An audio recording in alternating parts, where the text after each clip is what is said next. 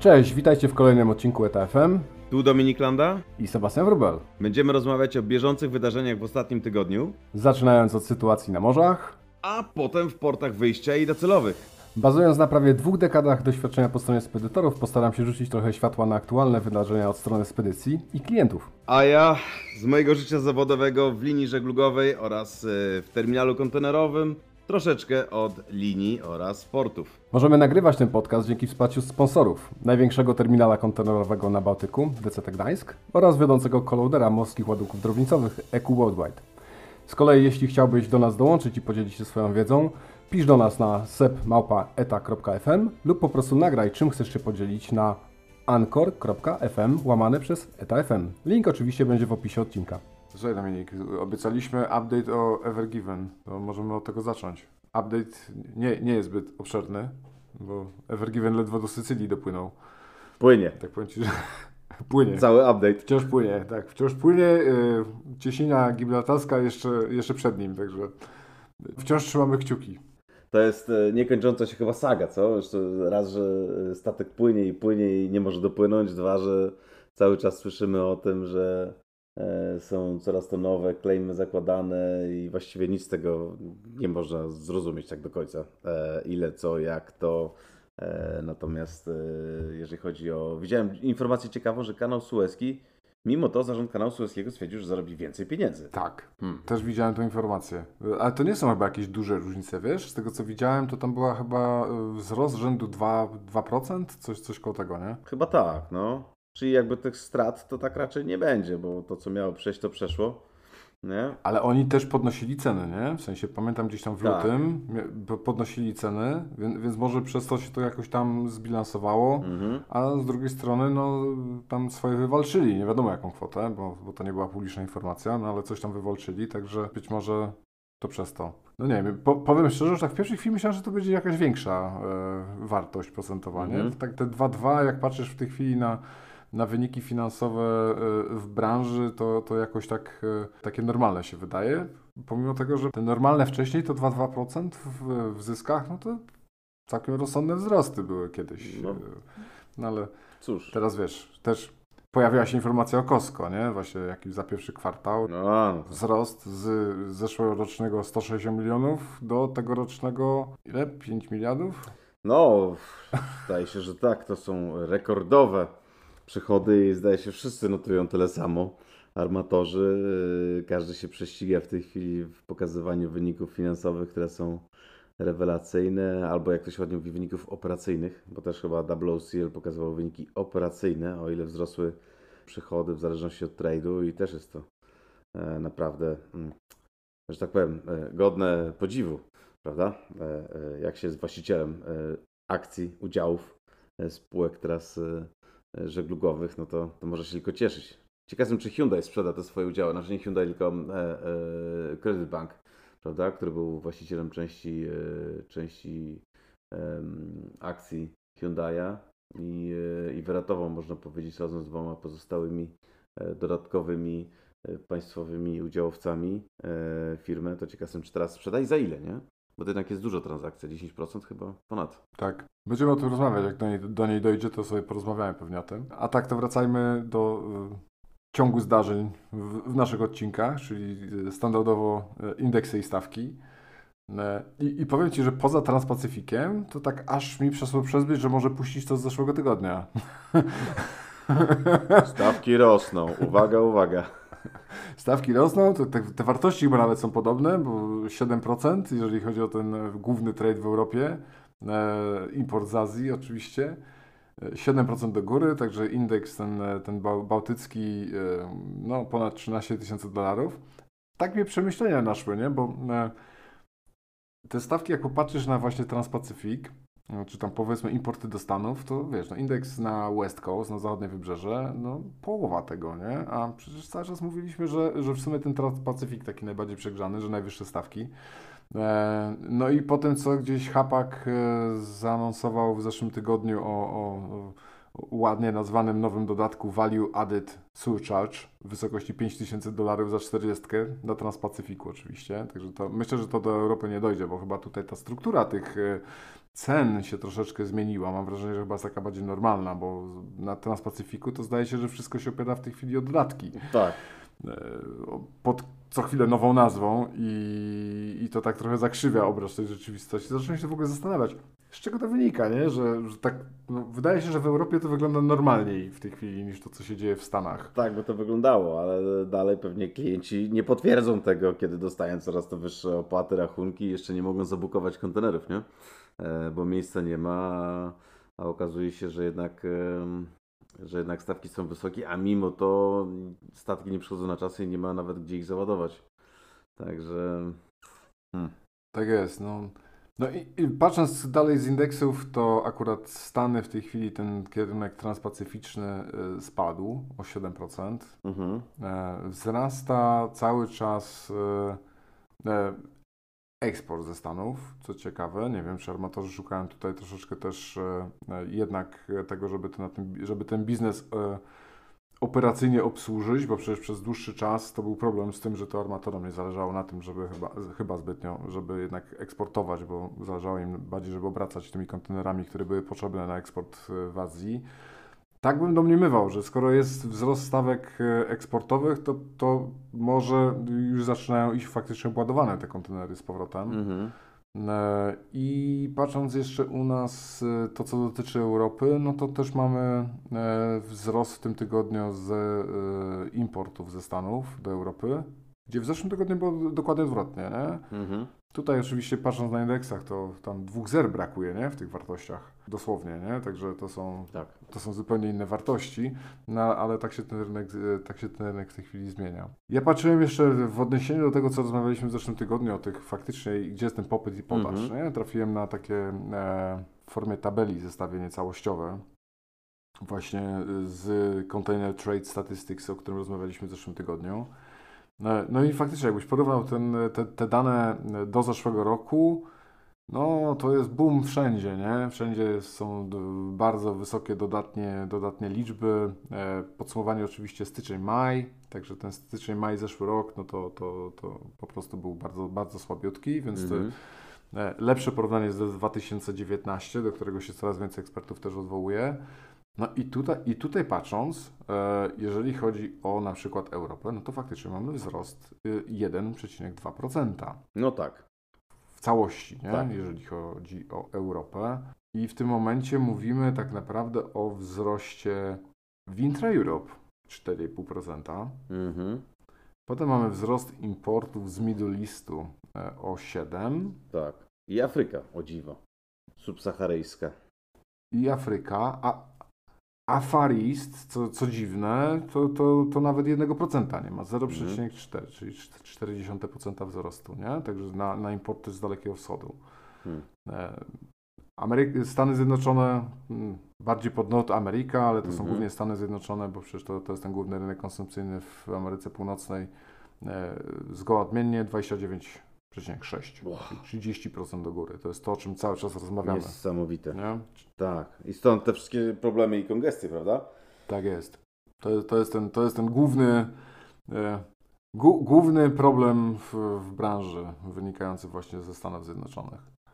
E, co, co ciekawe, też e, z, e, z rynku amerykańskiego, to Europa aż tak bardzo nie wzrosła, 8,8%, nie? czyli ten transatlantyk westbound. E, no to nie jest duża różnica, nie? Patrząc z perspektywy tego no, mega dużego popytu na rynku amerykańskim, no to tu, tu ten wzrost jest taki, bym powiedział, bardzo e, średni, ale też Middle East i India, subkontynent, nawet więcej, 31,2% wzrostu do, tak. do Stanów. Że tu ko kolosalne. Tu nawet wzrost, słuchaj, z Afryki 20%. Tak. Do Stanów. To jest niesamowite, nie? A żeby było śmieszniej, to właściwie takie intraamerykańskie, nie? Spadek o 21%, prawie 22%. No wiesz co, to chyba wynika z tego właśnie, że już wiesz... E, Taki trade. Nie wiem, brakło sprzętu do obsługi. Nikomu chyba za nie zależało na tym, żeby, żeby w ogóle coś takiego obsługiwać i to chyba po prostu zostało, wiesz, szybciutko zewakuowane na Far East żeby obsłużyć ten główny, główny popyt. Tak by wyglądało, bo faktycznie jednak Stany Zjednoczone czy Ameryka Północna strasznie odstaje od reszty świata, nie? patrząc z perspektywy wzrostu. Wydaje się, że w innych regionach świata ten COVID w zeszłym roku tak mocno nie uderzył, jednak konsumpcja, y, okej, okay, dalej mamy pewne braki, jeżeli chodzi o zatowarowanie, czy, czy, czy były one widoczne, ale chyba w Stanach faktycznie się wyczyścili do zera i w tej chwili wszystkie Amazony i inne duże firmy zaczynają ponownie na potęgę sprowadzać z Dalekiego Wschodu, ale też i z reszty, z reszty świata e, towary, nie? No jest 30% wzrostu, to jest niesamowite. No średni, średnie total importy poszły w Stanach y, czy w Ameryce po prostu 22,3%. To jest niebywałe. Tak. Ale za, że, że y, Ameryka Łacińska też drugie miejsce w tym zestawieniu, jeżeli chodzi o wzrosty, nie? 13% mhm. właśnie w totalu i też 25% z faristu. Tak. To, to chyba mowa gdzieś tam o Brazylii, tak mi się coś coś przypomina, że też była mowa, że w Brazylii bardzo mocno e, mieli problem z tym właśnie, że, że rynek e, wzrósł i nikt nie mógł tego obsłużyć. No ale to, to jest właśnie to, o czym cały czas mówimy, także to jest e, różne oczywiście później można przekładać to na impact, jeżeli chodzi o, o, o skutki, nie? No bo jak koniec końcem to główne problemy wynikają gdzieś tam z, faktycznie z, kongestii, z zablokowania sprzętu, niedostępności sprzętu i jakichś pojedynczych e, powiedzmy awarii, które mają duży hmm. skutek globalny wynikających z przegrzania tego. No ale jeżeli chodzi o taki rdzenny problem, no to, to on bez dwóch zdań jest tutaj na pewno. No i e, o ile dobrze e, pamiętam, też e, pojawia się nowa informacja odnośnie obsługi kolei w Stanach, prawda? Lepiej chyba nie będzie, jeżeli chodzi o rynek amerykański, bo tak, zawiesili, zawiesili połączenia właśnie z zachodniego wybrzeża. Tutaj była mowa chyba głównie o Chicago, czyli o tym centrum, można powiedzieć, Stanów, jeżeli chodzi o ten rynek centralny, mhm. ten, ten popyt chyba gdzieś tam Illinois jest dosyć wiodący. No i za, zawiesili zupełnie połączenia e, właśnie do tego regionu, także już było słychać gdzieś na początku zeszłego tygodnia, że e, to jeszcze bardziej skomplikuje sytuację wewnętrzną na rynku amerykańskim. Więc e, raczej chyba nie ma co liczyć na to, że w najbliższym czasie się ta sytuacja poprawi w jakikolwiek sposób. I chyba na, na wschodnim wybrzeżu, patrząc e, z kolei gdzieś tam nawet na rynek kanadyjski, to, to też, też są mhm. problemy, mm. nie? Bo w e, Halifax gdzieś wypadł z serwisu w tej chwili, e, z tego co widziałem, The Alliance, także ta kongestia gdzieś tam się po całym świecie rozszerza. No w Europie też. Tym, tym razem Antwerpia zniknęła z, z 2M, jeżeli chodzi o obsługę, też na 6 tygodni mm-hmm. wstępnie. Mm-hmm. Pewnie zobaczymy, co dalej. No ale to, chyba ca- całymi odcinkami moglibyśmy rozmawiać o tym, gdzie co w, w tym momencie nie działa tak, e, e tak jak powinno. Także e, tak, tak, tak, tak to wygląda. A. Hapag Lloyd z kolei ma Wojce Lingi z Indii do Europy. E, I to z powodu, powiedziałbym, trywialnego z perspektywy w ogóle tego, co, jak wyglądał rynek w zeszłych latach. Rozmawialiśmy o tym kiedyś, że jak teraz faktycznie statek będzie potrzebował serwis i będzie musiał trafić do doku, e, to prawdopodobnie nie ma czym go zastąpić. No i tak faktycznie jest. No, w tej chwili właśnie trafia statek e, Almana ma do, na maintenance i, i w tym momencie już mówimy o Wojcylingach, bo po prostu nie ma do obsługi tego wolumenu niczego w zastępstwie. Tak. No i patrząc z kolei właśnie o tych dostępności statków, no to słuchaj, ty, tych największych statków, powyżej 12,5 tysiąca TU, e, niepływających w aktualnym serwisie jest na świecie trzy. Trzy sztuki. Z czego jeden im jest Ever Given. Tak, pierwsza sztuka wiemy gdzie jest, jest koło Sycylii, a dwie pozostałe sztuki właśnie zostały oddane do, z doku jako nowe i jeszcze nie wypłynęły. I to jest wszystko. Rekordowe zamówienia. Hmm? Tak, przeogromne. Ponad 3 miliony TU e, w zamówieniach nowych. E, co, co ciekawe, e, ja mam wrażenie, że, że za każdym razem jak wracamy do tego tematu, to te statystyki wyglądają troszeczkę inaczej.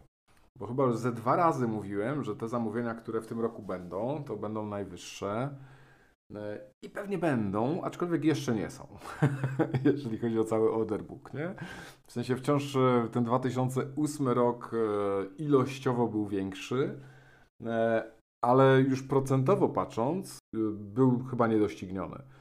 Tam ilość zamówień, e, po prostu jeżeli chodzi o procent w całości floty, która sięgnęła gdzieś tam 60%, e, to już chyba tak szybko się nie wydarzy. Z, z tego powodu no, cała flota wzrosła w międzyczasie, także to już jest też zupełnie inna liczba e, odniesienia, nie? Więc, więc to, to, o czym w tej chwili mówimy, no to mamy połowę roku, 3 miliony, tak. nie, ponad 3 miliony już jest, jest no, ponad 3 miliony, mhm. I, ale procentowo patrząc to 20 na tą chwilę. Zobaczymy, czy ta druga połowa roku będzie wyglądała tak samo, czy też nie i dojdziemy do jakiegoś już bardzo wysokiego procentowo e, e, wyniku rzędu 40, no tak patrząc, wiesz, Zobaczymy. pół roku to pół roku, nie? Nie, nie dużej wiary nie daje, ale, e, ale, ale pewnie jeszcze wzrośnie. Wiesz co, ja myślę, że na pewno, bo chyba ostatnio nawet Costco zamówiło, nie? Bo w zeszłym tygodniu była informacja o kolejnych zamówieniach Costco, nie wiem, 10 statków znowu wielkich, yy na okrągło armatorzy zamawiają, natomiast to wszystko będzie dopiero widoczne za półtora roku, prawda? Jak te statki są zbudowane. No, e... najszybciej. No właśnie, a w tej chwili to na razie musimy, musimy niestety zaciskać zęby. E, ci, którzy muszą płacić frachty oceaniczne, armatorzy e, z drugiej strony też nie bardzo mogą obsłużyć to, co, to, co normalnie by planowali. Pewnie w dużej mierze przez Stany i pewnie w dużej mierze przez to, co się działo z COVID-em. Natomiast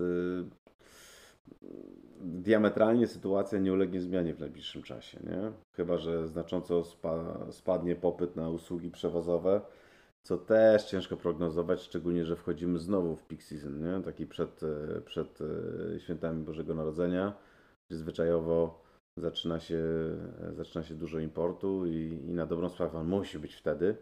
Później mamy chwilkę przerwy, jest znowu chiński nowy rok i dopiero wtedy może coś opaść, nie? Tak by się wydawało. No, zobaczymy, jak to będzie wyglądać. Jak tak większość osób przewiduje, że do chińskiego nowego roku nie ma żadnej szansy na to, żeby się cokolwiek zmieniło. Czy, czy w ogóle w 2022 to już też są zdania podzielone. Hmm. E, ale powiem Ci, że trafiłem też na taką wzmiankę odnośnie Merska, gdzie Mersk oczywiście od dłuższego czasu mówi, że jest e, zadowolony z wielkości swojej floty i, tak. i, i nie chce jej zwiększać. E, ale trafiłem na taką e, hipotezę, że, że to gdzieś tam pomijając już fakt, o którym rozmawialiśmy kilkukrotnie, inwestowania w ten większą część logistyki, czyli w to swoje ramię mhm. związane z logistyką, mhm. ale, ale trafiłem też na taką hipotezę, że Mesk wstrzymuje się z tymi zamówieniami w tej chwili, e, żeby poczekać właśnie na nowszą technologię. Nie? Rozmawialiśmy w którymś z odcinków o, o pierwszym zamówieniu jednostki na metanol. Pojawia się gdzieś wzmianka, że trwają dyskusje ze stoczniami koreańskimi, żeby może to nie była pojedyncza jednostka, tylko że tych zamówień gdzieś tam padnie więcej. E, I że właśnie Maersk pomijając właśnie te inwestycje w ramię logistyczne, to, chciał, to dąży do tego, żeby po prostu zamówić już nowsze jednostki. Już bardziej dostosowane do tych przyszłych wymagań ekologicznych i czy to będzie metanol, czy coś innego, to, to, to, to czas pokaże, bo odnośnie LNG to też tutaj domysły trwają, czy może jednak pójdzie w LNG, ale mnie jeszcze zaciekawiło zamówienie e, tutaj tej kompanii e, z Antwerpii, jednost, pierwszej chyba jednostki kontenerowej na amoniak. Hmm. No. E, to jest kompanii Maritime Belge, mhm. jakkolwiek tak. się to mówi. CMB. Tak jest, także pierwszy kontener, kontenerowiec na amoniak, oczywiście dostarczony w 2024, także na, na półtora roku nie starczy. Hmm. E, dual fuel też, nie? W sensie to mhm. nie będzie tylko na amoniak, ale, ale mimo wszystko e, o tym jeszcze nie słyszałem wcześniej.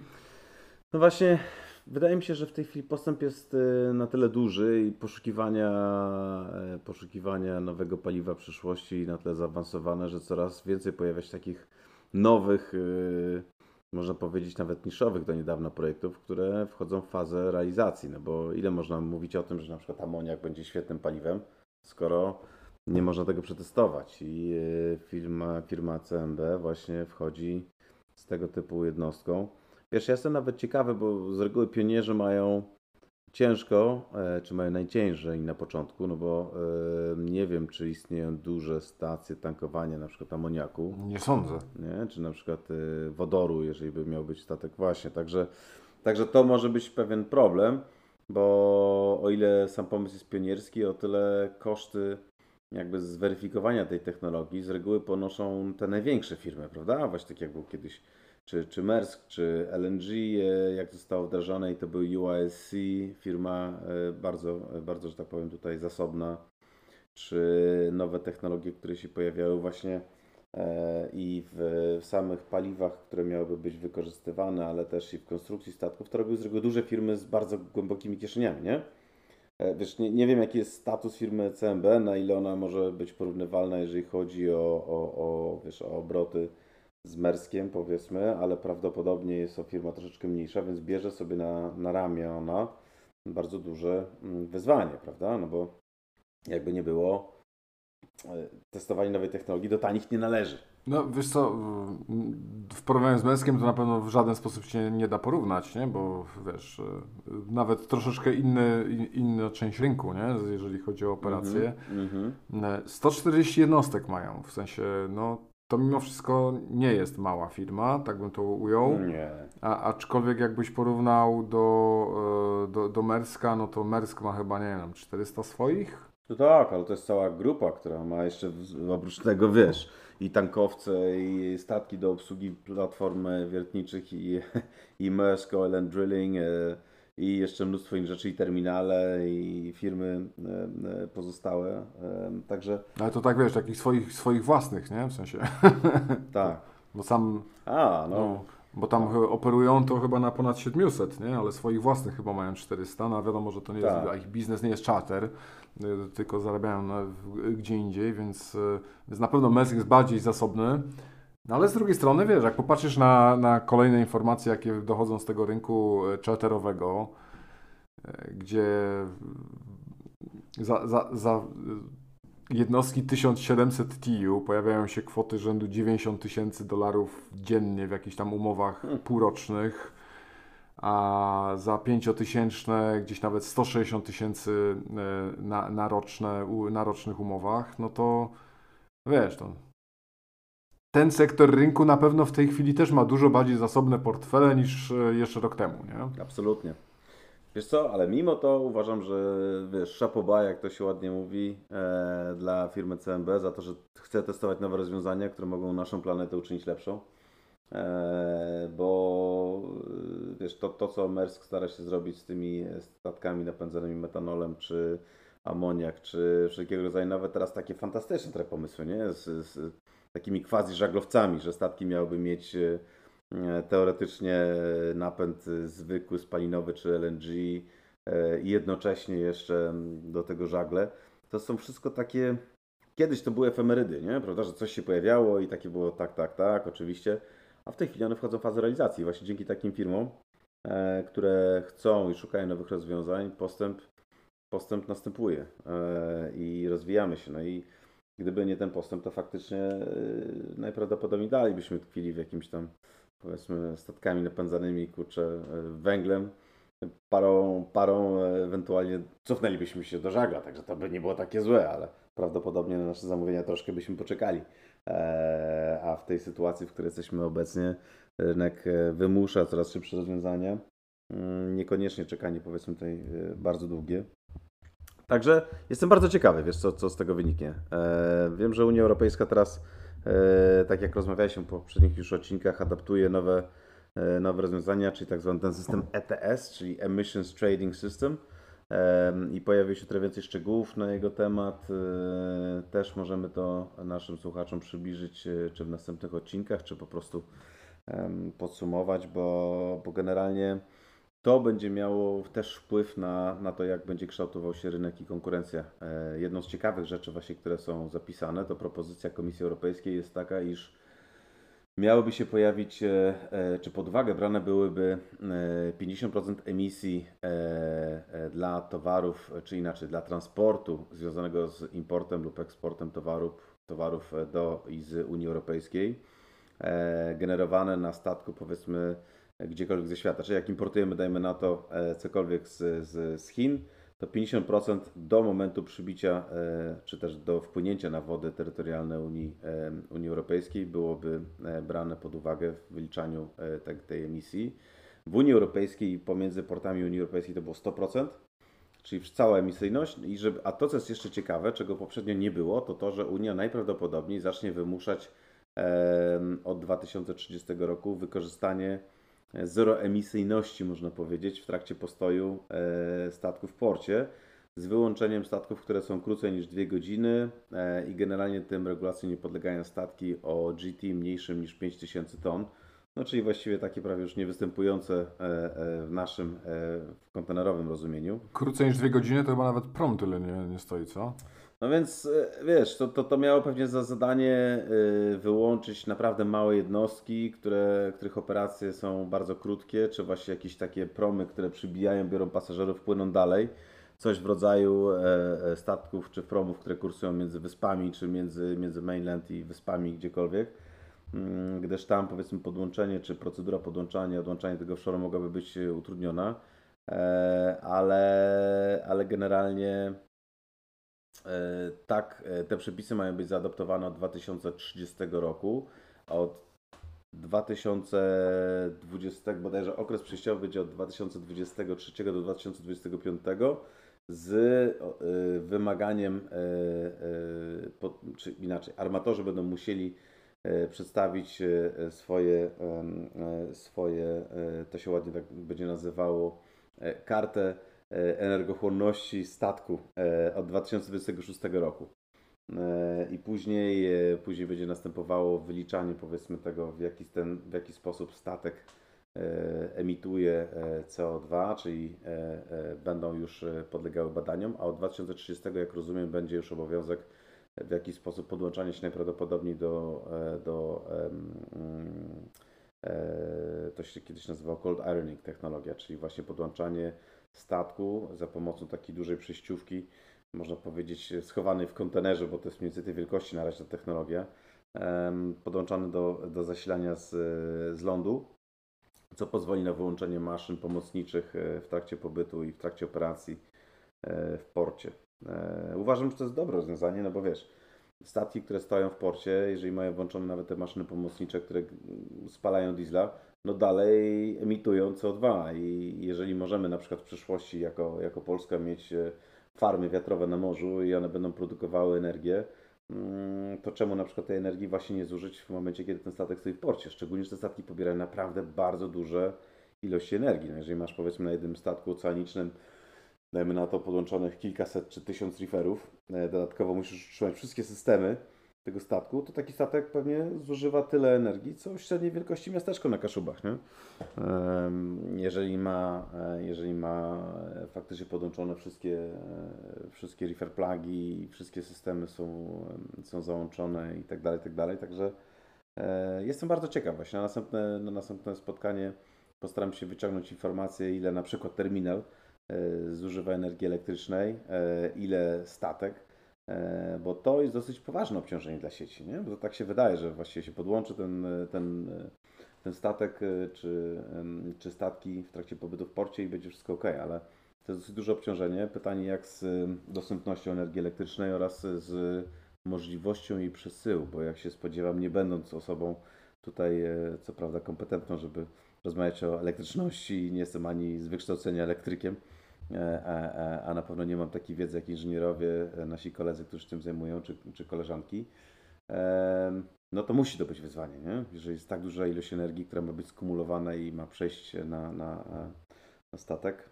Ciekawy jestem. A z ciekawości spytam, jak macie bocznice kolejowe na DC, to tam, tam jeździ lokomotywa normalnie elektryczna czy diesel? E, wiesz co, e, połączenie, czy te tory pomiędzy port, stacją Port Północny a naszą, naszym terminalem kolejowym nie jest zelektryfikowane, także tam musi jeździć lokomotywa manewrowa, e, która jest zasilana silnikiem spalinowym, ale już w tej chwili rozmawiamy z, mm, z przewoźnikami, z operatorami tego, tego shuntingu, czyli tego ostatniej mili, jak to się ładnie mówi, żeby mm, zweryfikować, czy są możliwe bardziej ekologiczne rozwiązania, na przykład e, elektry... lokomotywy hybrydowe, na przykład e, lokomotywy właśnie te manewrowe, ale na przykład bateryjne, tak żeby załadowały baterie powiedzmy i ładowały się z, z obu stron, można powiedzieć przy, na stacji Port Północnej i przy DCT czy wszelkiego rodzaju inne, bo widziałem, że pojawiły się na przykład też już lokomotywy napędzane wodorem. Także rozwiązań jest dużo, a naszym celem jest faktycznie redukcja przynajmniej o 50% y, emisji CO2 do roku 2030 i mimo tego, że jako DCT Gdańsk y, mm, my cały czas zmieniamy nasz sprzęt i inwestujemy, żeby być bardziej ekologiczni i faktycznie widać, że redukujemy mocno, o tyle patrzymy troszeczkę poza, można powiedzieć, przysłowiowy płot. Jeżeli możemy przyczynić się do tego, żeby zmniejszyć e, zużycie energii i emisję CO2 e, przez naszych kooperantów, to warto się nad tym zastanowić, warto to rozważyć. Na pewno. Wiesz, no, z, z, zwłaszcza terminale, które są gdzieś w obszarze miejskim, no to, to pewnie jest dużo bardziej interesujący e, temat również dla wszystkich osób mieszkających gdzieś w pobliżu. No, ja, ja czasem sobie przejeżdżając ze stakadą widzę gdzieś tam kontenerowce ze stakady w Gdyni na, na BCT i GCT. E, no i tam taki ciemny dymek często z nich leci, nie? W sensie nie, nie stoję, nie patrzę, w którym momencie, czy to leci tak samo, czy nie tak samo, ale no jedno jest pewne, no nie, nie są podłączone do żadnego przyłącza w tej chwili e, na terminalu, bo taki potrzeb e, no Właśnie. E, z perspektywy regulacji i przymusu nie było, więc nie sądzę, żeby, żeby w ogóle infrastruktura była do tego gotowa tam, ale, mm, ale, ale to widać, nie? I też zwróciłem nieraz uwagę na to, także jako mieszkaniec, nie? No i wiesz, my jako terminale też mamy, czy porty w ogóle, mamy, mamy na sobie też dużą odpowiedzialność i powinniśmy do tego przystąpić. Powinniśmy ze sobą na takie tematy dyskutować i patrzeć, w jaki sposób możemy zmniejszyć oddziaływanie terminali, portów na, na środowisko, czy, na, e, czy poprawić komfort życia mieszkańców. E, wiesz, my znajdujemy się troszeczkę dalej od centrum samego miasta, ale jesteśmy w stałym kontakcie z mieszkańcami e, dzielnic okolicznych, tak? czy to Górki Zachodnie, czy Stogi, czy Przeróbka, bo też chcemy ten nasz, że tak powiem, to, ten nasz rozwój opierać o współpracę z lokalną społecznością, E, I jeżeli możemy coś zrobić, żeby, żeby po prostu być, być lepszym, można powiedzieć, e, tutaj e, partnerem i jednocześnie sąsiadem, to staramy się to robić. Wiele inicjatyw robimy, mm, natomiast to jest, jeżeli mówimy o taką inicjatywę zmniejszenia, zmniejszenia emisji CO2, Myślę, że to powinna być inicjatywa wszystkich portów i, e, i po prostu możemy zobaczyć, jak my możemy razem pozytywnie wpływać na środowisko, bo jest wiele rzeczy, w których możemy współpracować. Między innymi chociażby to, żeby e, faktycznie być, e, czy zostawiać mniejszy ślad węglowy, zwiększać bezpieczeństwo na, na drogach, czy być bardziej efektywni, jeżeli chodzi właśnie o, o obsługę i środków transportu drogowego i kolejowego, wszyscy E, I nie mówimy o samych terminalach, tylko nawet o tym, w jaki sposób te, te samochody czy te, te, te składy miałyby do nas wjeżdżać i wyjeżdżać. Bo jeżeli powiedzmy samochody czekają przed wjazdem na terminal nie dlatego, że terminal nie obsługuje, tylko dlatego, że skorek w mieście, czy na przykład estakada Kwiatkowskiego nie wyrabia, no to dalej ten samochód, który finalnie dojedzie do portu, będzie emitował CO2. E, także taka dyskusja powinna mieć miejsce, bo mamy dużą odpowiedzialność. Wszyscy. A tak z ciekawości, no bo na, na świecie pojawiają się w sumie no, ciągniki siodłowe, czyli potocznie nazwy ciężarówki, e, z napędem elektrycznym.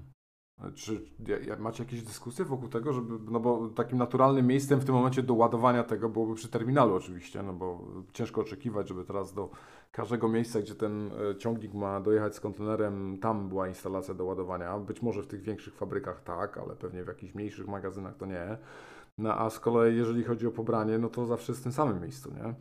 Absolutnie tak, wiesz, my prowadzimy szeroko zakrojoną akcję sprawdzania, jakie, jako grupa zresztą PSA, jakie, jakie pojawiają się nowe technologie w tym zakresie i powiedzmy, jeżeli chodzi o ciągniki terminalowe, wewnętrzne, bo one de facto to są takie uproszczone ciągniki, e, e, takie, które jeżdżą po polskich drogach, tylko w naszym przypadku one są oczywiście bardziej wytrzymałe, inaczej trochę zbudowane, ale zasada działania jest podobna, to wiemy, że na przykład są tak, są rozwiązania hybrydowe, e, czyli, e, czyli ciągniki, które łączą w sobie technologię spalinową i, i, jednocześnie można, można je ładować.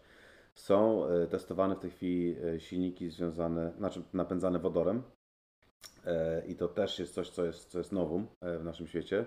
Są w pełni bateryjne, czyli takie, które, które, w których następuje wymiana baterii, bo raczej się nie ładuje, tylko po prostu podjeżdża taki ciągnik na przykład pod stację, E, tam są wyjmowane te baterie, wkładany jest nowy, naładowany komplet. Tamte, że tak powiem, już tutaj e, wyczerpane, e, następuje, następuje ich ładowanie. Trochę jak nasze paluszki w ładowarkach w domu. Mhm. Eee... Wiesz co, teraz w Chinach jest taka marka samochodów elektrycznych, która w ten sam sposób zaczęła operować ostatnio. No właśnie, bo...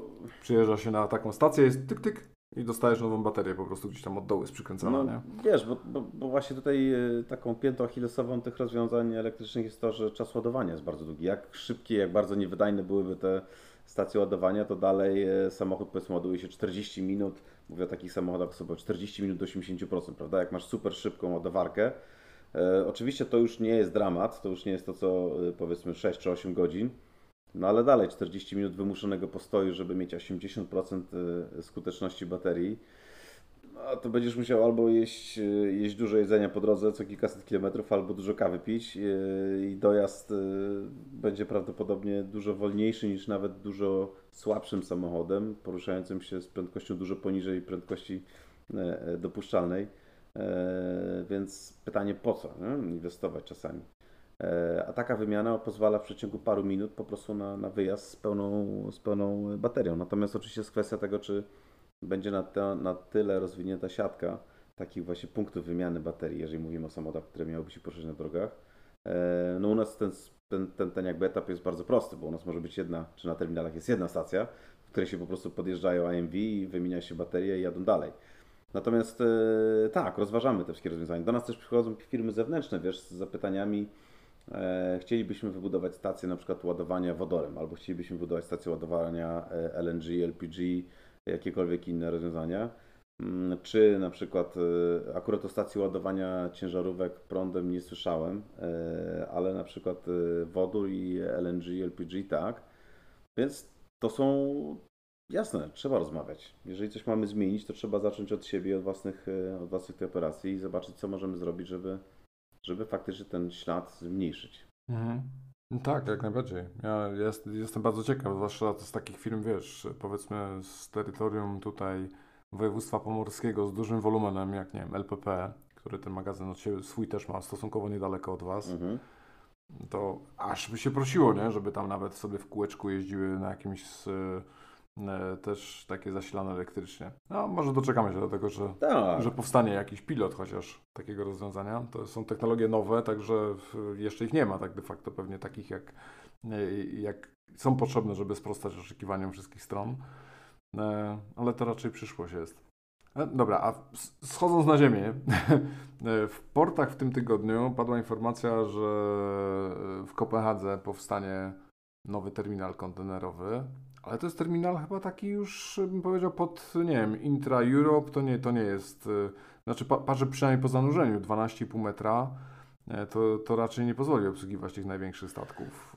No nie i, ten, ten terminal z tego co pamiętam ma być wyposażony w dwie suwnice, Keja co prawda jest 550 metrów, e, 16,5 hektara, więc tak jak mówisz, to raczej będzie terminal, który, e, bo mówimy o terminalu Copenhagen-Malmö Port, CMP, E, ten terminal miałby być terminalem pewnie do obsługi właśnie takiego ruchu short sea, e, bo feederowego nie, no bo no okej, okay, feedery też może, ale jako, jako punkt e, jako punkt tutaj już finalny.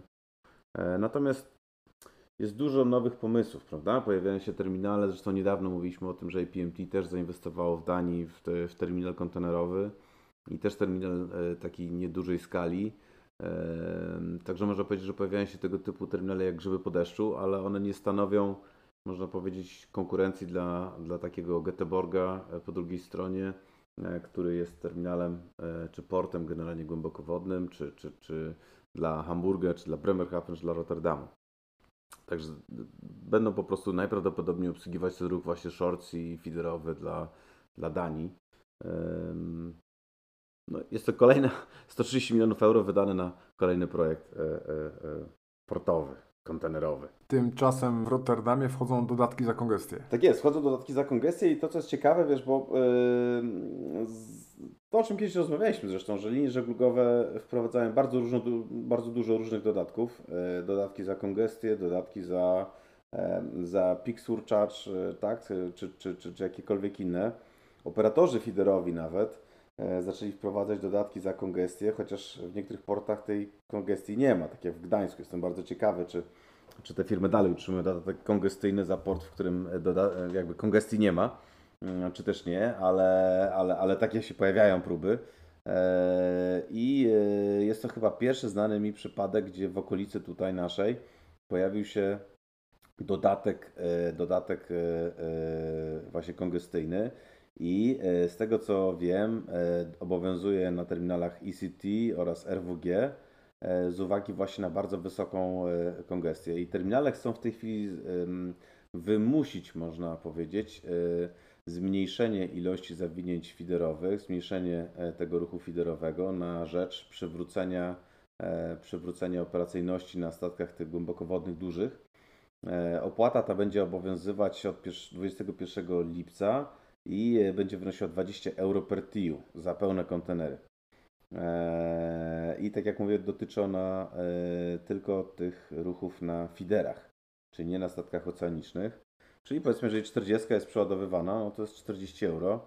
To bardzo znacząco wpływa na, e, na opłacalność przeładunku e, tego typu e, kontenera. Już nie mówiąc o tym, że najprawdopodobniej nie tylko jest dodatek za przeładunek tego kontenera, ale równocześnie bardzo ciężko jest znaleźć okno obsługi takiego feedera w tej chwili w porcie w Rotterdamie. No. Więc jest to ciekawa inicjatywa, a mówię ciekawa, bo faktycznie wielokrotnie nad tym, nad tym myślałem, dlaczego porty, które ponoszą największy koszt y, tego, że jest kongestia i które mają z tym największe e, problemy, czy wyzwania i operacyjne, i, i wszelkie inne, tak? No bo bramy się blokują, bo trzeba mieć więcej ludzi, bo, e, bo musimy sobie jakoś radzić z tym, że statki nie przychodzą na czas, z tym, że e, przecież nie możemy powiedzieć naszym współpracownikom, że właściwie to na następne trzy dni to zostań w domu, bo statku nie będzie, ale później musisz przyjść, bo będzie sobota, niedziela i, i, i będzie ok. My musimy wszyscy, jako porty i terminale, musimy, że tak powiem, tutaj ludzi zatrudnić w oparciu o polskie prawo i absolutnie od tego nikt nie odchodzi, gdzie po prostu jest gwarantowana, e, gwarantowany harmonogram i ułożenie pracy e, pracownika, więc mm, niezależnie od tego, czy statek jest, czy nie, my i tak musimy tej osobie zapłacić e, zgodnie z prawem i zresztą e, z uczciwością firmy. Czyli my de facto musimy później przeznaczać więcej zasobów do tego, żeby spracować statki, które przychodzą później, e, a nie dostajemy za to więcej pieniędzy, mówiąc w skrócie.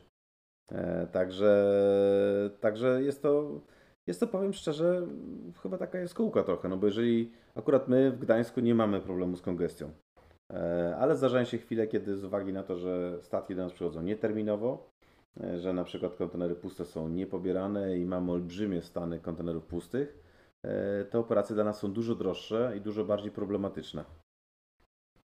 I, I do tej pory żaden z terminali czy portów takiej opłaty nie wystawiał, ale może jest to czas, żeby o tym pomyśleć. Natomiast, tak jak mówię, nie dotyczy nas.